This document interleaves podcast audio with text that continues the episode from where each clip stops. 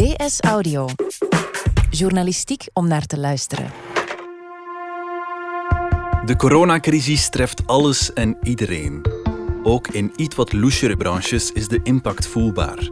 Bijvoorbeeld in de productie van fentanyl.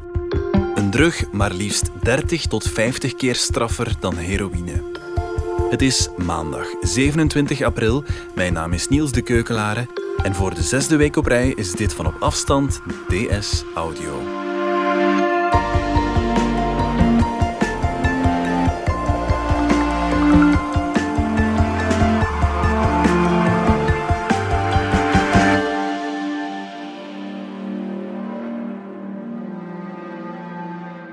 Het is van alles. Het kunnen pilletjes zijn, het kunnen poeders zijn. Dit is Corrie Hanke, redactrice buitenland bij De Standaard. Fentanyl is een chemische drug en die wordt vaak in crystal meth gebruikt. En dan gaat bij de meeste mensen al wel een belletje rinkelen bij crystal meth. Ja. Het is een heel stevige drug. Zou 30 tot 50 keer, sommigen zeggen 100 keer straffer zijn dan heroïne. En het is ook goedkoper dan heroïne. Ja. Dus in die zin is handel in fentanyl een, eh, een zeer lucratieve handel. Mhm. En heel veel mensen in de Verenigde Staten zijn er verslaafd aan, omdat het vaak met pijnstillers werd geassocieerd. En dus de Amerikaanse markt is een, eh, een fantastische markt voor fentanylverkopers. Ja.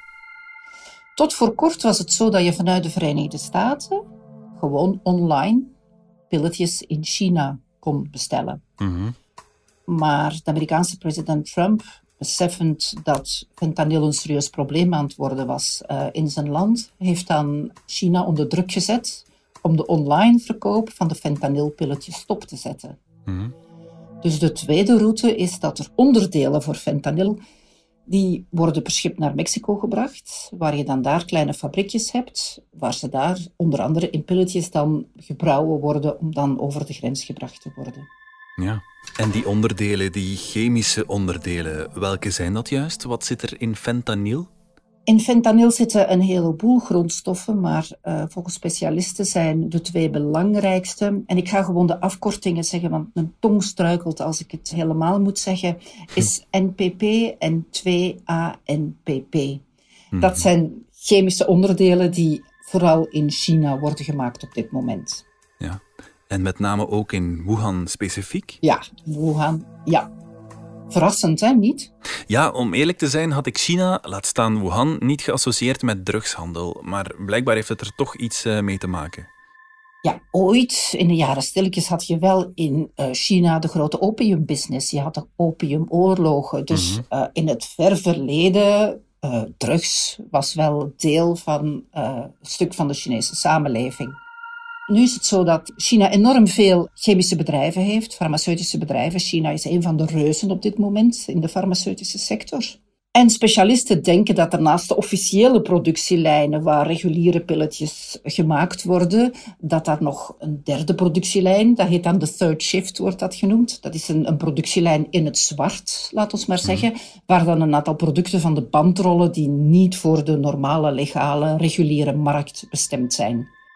Het is eigenlijk een beetje hetzelfde verhaal als met de maskers. We zien nu hier in België of in Europa dat we heel veel slechte maskers krijgen. Ik ben ervan overtuigd dat je in China enorm veel producenten hebt die degelijk materiaal leveren, maar daar zitten ook een heleboel boeven op de markt, of misschien ook third shift eh, productielijnen, waar dan eh, minder goed materiaal eh, van de band rolt, of in het geval van fentanyl, dat dan basisingrediënten wordt gemaakt dat voor minder koosjere doeleinden bestemd is. Je hebt ook gesproken met een journalist die zo'n bedrijfje is gaan opzoeken in China en daar aan de bestanddelen van fentanyl is proberen te raken. Ja, hij heet Ben Westhoff. En hij is eigenlijk naar China vertrokken in de periode dat dus uh, de Verenigde Staten al heel erg te lijden hadden onder die, uh, die fentanyl-problemen, verslaving. En hij heeft gewoon online geprobeerd om contact te leggen met het bedrijfje. Dat is relatief gemakkelijk gegaan. Mm-hmm. Hij heeft zo ongeveer, schreef hij, uh, een jaar contact gelegd, gemasseerd, zou ik zeggen, om vlotjes binnen te geraken. En dan op een zeker moment is hij zelf naar Wuhan gegaan en is hij uh, een bedrijf gaan bezoeken. En, en hij vertelde me aan de telefoon van dat dat een van de grootste bedrijven in China is met x aantal vestigingen over het hele land. Die dus enorm veel maken. Die maken Viagra, die maken pesticiden, maar die maken dus ook de basisingrediënten voor fentanyl. Ja. En die waren in eerste instantie niet zo happig, omdat hij direct vroeg naar can I buy some NPP and 2A NPP. Dus ze dachten, oei, hier is, uh, hier is iets niet, niet kosher, niet pluis. En hij zei, ja, maar ik wil nogal grote hoeveelheden hebben. En dan zei ze, een klein momentje. En toen werd hij gebracht naar een klein kamertje um, achter in het bedrijf waar de grote baas zat. Uh, en die zei, komt in orde, we regelen dat wel voor jou. Dus hij kon eigenlijk zonder veel moeite een, een vrij grote drugsbestelling plaatsen. Mm -hmm. Dus ik ben ervan overtuigd, als Ben Westhoff dat kan, dat de Mexicaanse drugsjongens die weg ook heel gemakkelijk gevonden hebben. En die nemen veel grotere hoeveelheden af dan wat Ben Westhoff ooit bedoeld had. Ja, hoe komt het dat dat dan zo gemakkelijk gaat? Hoe staat de Chinese overheid tegenover drugs? In het Chinese binnenland is het niet evident om uh, drugs te nemen. Of om drugs te verhandelen, dan is de kans groot dat je daarvoor de doodstraf krijgt. Mm -hmm. De verkoop, net zoals ik zei, dat is een beetje zoals bij de maskertjes. China is een enorm groot land. Daar zitten duizenden, honderdduizenden chemische farmaceutische bedrijven en bedrijfjes. Je hebt een loggebureaucratie. Je hebt een regelgeving die iedereen wil naleven. Dus de overheid, volgens Ben Westhoff, slaagt er niet in om al die kleine bedrijfjes bij de les te houden en die allemaal te controleren op of ze nu al dan niet illegale dingen doen. Ja, Oké, dus in die Chinese farmaceutische bedrijfjes produceert men de grondstoffen van fentanyl, maar de drug zelf wordt gemaakt in bekende drugslanden zoals Mexico. Klopt dat? Uh, inderdaad, een groot deel van die illegale basisingrediënten, mm. die worden naar Mexico verscheept om via daar dan naar de Verenigde Staten te gaan. Ja. Dat gaat uh, in, in dozen waar dan, ik zeg maar iets, daarbuitenop staat dat het Dispril is of zo. Dat het dus vals gelabelde dozen zijn. En die worden in boten, ik veronderstel op containers, naar een aantal havens uh, in Mexico gebracht. Mm -hmm. En ik heb met een Mexicaanse journaliste gepraat die nogal goede contacten heeft, blijkbaar, bij de Mexicaanse drugsbendes. En zij vertelde mij van de, de producten worden vooral geleverd uh, in die twee havens waar de belangrijkste twee drugskartels hun mannetjes hebben staan, waar zij dokwerkers hebben, havenarbeiders hebben. En die zorgen dan dat die containers van boord gaan. Zij weten dan perfect dat daar niet die spril in zit, maar de grondstoffen van fentanyl. Mm. En dan versluizen zij die producten naar uh, kleine bedrijfjes die ergens in Mexico staan waar die basisproducten dan verwerkt worden en doorgesluist worden naar de Verenigde Staten.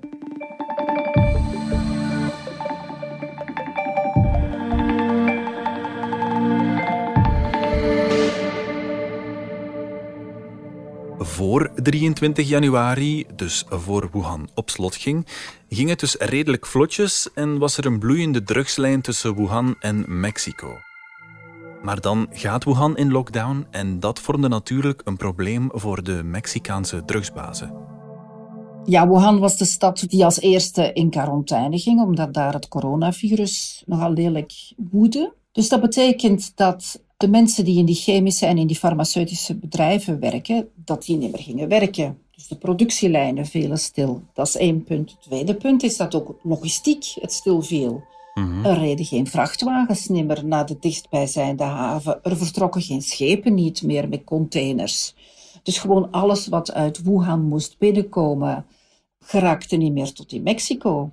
Dus er kwamen steeds minder grondstoffen binnen voor fentanyl. Ik begreep dat uh, de drugsbazen nog wel een kleine voorraad hadden, zodat ze enkele weken nog verder kunnen. Maar tegen de periode dat ik het stuk gemaakt heb, dus dat is halverwege maart, toen zeiden de Mexicaanse speurders toch um, op een of andere radio dat ze merkten dat de prijzen naar boven gingen omdat de voorraden begonnen op te drogen. En dan krijg je de wet van vraag en aanbod natuurlijk. Ja, en dat komt erop neer dat er minder drugs zijn voor evenveel gebruikers en dus de prijs de hoogte ingaat. Zijn het dan vooral die gebruikers die de gevolgen voelen? In eerste instantie gaan de gebruikers dat wel merken. Ja. Omdat we hebben het nu alleen gehad over Wuhan dat in quarantaine zat.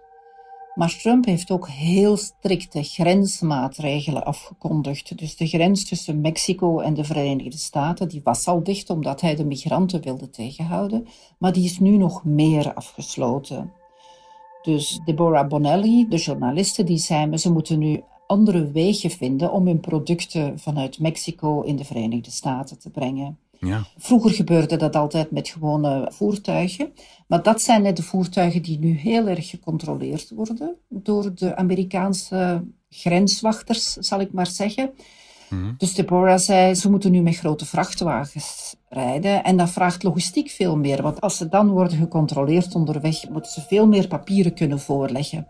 Dus dat betekent dat het logistiek veel moeilijker geworden is om de fentanyl vanuit Mexico in de Verenigde Staten te brengen. Dus niet alleen gaat de prijs naar boven omdat de grondstoffen opgedroogd zijn, maar hij gaat ook nog eens naar boven omdat het vervoer veel moeilijker geworden is. Dus de gebruikers, de verslaafden in de Verenigde Staten gaan dat ongetwijfeld voelen. En wat zijn de gevolgen voor de Mexicaanse drugsboeren zelf? Betekent de stop op de toevoer van grondstoffen voor fentanyl hun teloorgang? De Mexicaanse journaliste die denkt dat uh, op termijn ze daar weinig gaan, gaan van voelen. Ja. Uh, zij zei, en, en ik heb de neiging om haar daarin te volgen, zij zei, die mannen zijn zo inventief. Uh, die zijn zo machtig. Ja. Er is zoveel vraag naar de producten die zij willen leveren. Zij gaan altijd een manier vinden om hier als overwinnaars uit te komen. Nu, Ben Westhoff, die zei me uh, dat hij ervan overtuigd was dat ondertussen de Mexicaanse drugskartels ook wel genoeg zelfexpertise in huis hebben of genoeg geld hebben om experts te ronselen, Mhm. zodat ze in Mexico zelf ook wel in staat zullen zijn om zelf die grondstoffen voor fentanyl te maken en ze dan Mhm. verder door te sluizen naar de Verenigde Staten. Ja. Een andere optie, en dat is wat de Mexicaanse journalist die mij zei, die contacten heeft met drugsbendes, die zei, ik, ik vermoed dat ze opnieuw op uh, heroïne, het, ik sluit niet uit dat ze opnieuw op heroïne gaan overschakelen. Maar dit is wel belangrijk om te weten, waarom zijn die Mexicaanse drugsbendes daar ook mee ingestapt, is dat het een, uiteindelijk veel gemakkelijker is voor hen en lucratiever om fentanyl te produceren dan heroïne. Ja. Heroïne, dat zijn poppies, dat is seizoengebonden. En je weet, dat komt bijvoorbeeld uit Afghanistan. Dat zijn mensen die dat met de hand moeten plukken. Dat is een, een veel delicatere, duurdere materie waar je niet de hele tijd zeker van bent dat ze wel binnenkomt. Fentanyl, letterlijk, of de grondstoffen van fentanyl, ja, die komen via de lopende band zo binnen.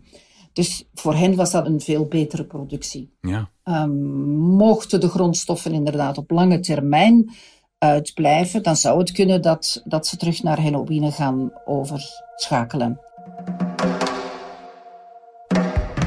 Ik las trouwens toen ik aan de research bezig was voor dat stuk, dat um, in Mexico zelf nogal wat poppyboers ook zijn. Dus Mexicanen zelf die heroïneplanten kweken, Mm-hmm. die omdat de drugsgangs waren overgestapt op fentanyl die nu minder inkomsten krijgen. De vraag is of zij nu opnieuw aantrekkelijk worden voor de drugskartels, die misschien dan opnieuw terug naar de handel in heroïne gaan overschakelen. Mhm. Dus om het heel cru te zeggen, de quarantaine van Wuhan zou wel eens ten goede kunnen komen van de Mexicaanse heroïneboeren, wie weet. Ja. Heeft deze verminderde toevoer van fentanylgrondstoffen invloed op de drugsoorlogen in Mexico?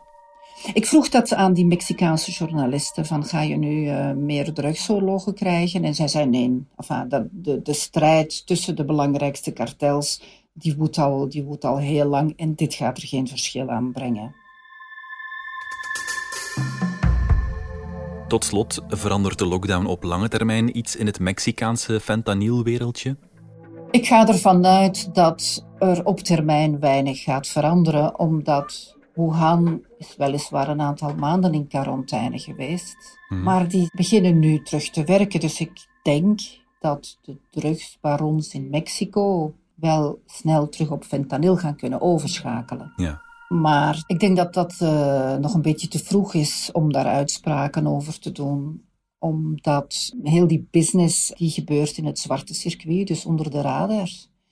Dus dat duurt een tijd vooraleer dat media oppikken wat er precies gaande is, wanneer de politie doorheeft wat er gaande is. Mhm. Het is veel moeilijker, denk ik, om de vinger aan de pols te hebben wat er in de drugswereld op dit moment aan het gebeuren is, dan dat je de economische gevolgen van de lockdown pakweg op de luierverkoop in Vlaanderen gaat kunnen meten. Dus het is een beetje afwachten um, hoe het uh, verder gaat lopen. Het, ja, gaat Wuhan zijn plek opnieuw kunnen veroveren? Mhm. Want tegelijkertijd uh, zijn de Amerikanen ervan overtuigd dat er ook vanuit India op dit moment heel veel grondstoffen worden binnengebracht.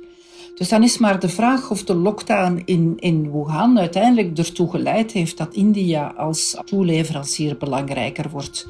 Maar daarvoor is het echt te vroeg om daar nu zinnige dingen over te kunnen zeggen, omdat dat allemaal onder de radar gebeurt. Oké, dankjewel Corrie Hanke. Graag gedaan. Dit was DS Audio. Heb je vragen over corona? Weet dan dat je terecht kunt op de website www.info-coronavirus.be van de federale overheid. Je kunt ook bellen naar het infonummer 0800 14 689. Wil je reageren op deze podcast of wil je een verhaal delen over de impact van corona op jouw leven? Dat kan via dsaudio.standaard.be. In deze aflevering hoorde je Corrie Hanke en mezelf Niels de Keukelare. De redactie gebeurde door Joris van Damme en Fien Dillen, de eindredactie door Annelies van der Roost. Pieter Schrevens deed de audioproductie, Brecht Plasgaard schreef de muziek die je hoorde in deze podcast. Chef audio is Wouter van Driessen. Vond je deze podcast interessant? Weet dan dat je er elke werkdag één kunt beluisteren. Dat kan via de DS Nieuws app of via standaard.be-audio. Je kunt je ook abonneren via iTunes, Spotify of de podcast app van je keuze. En als je daar dan toch bent, schrijf gerust een review. Zo toon je ook anderen de weg. Morgen zijn we er opnieuw.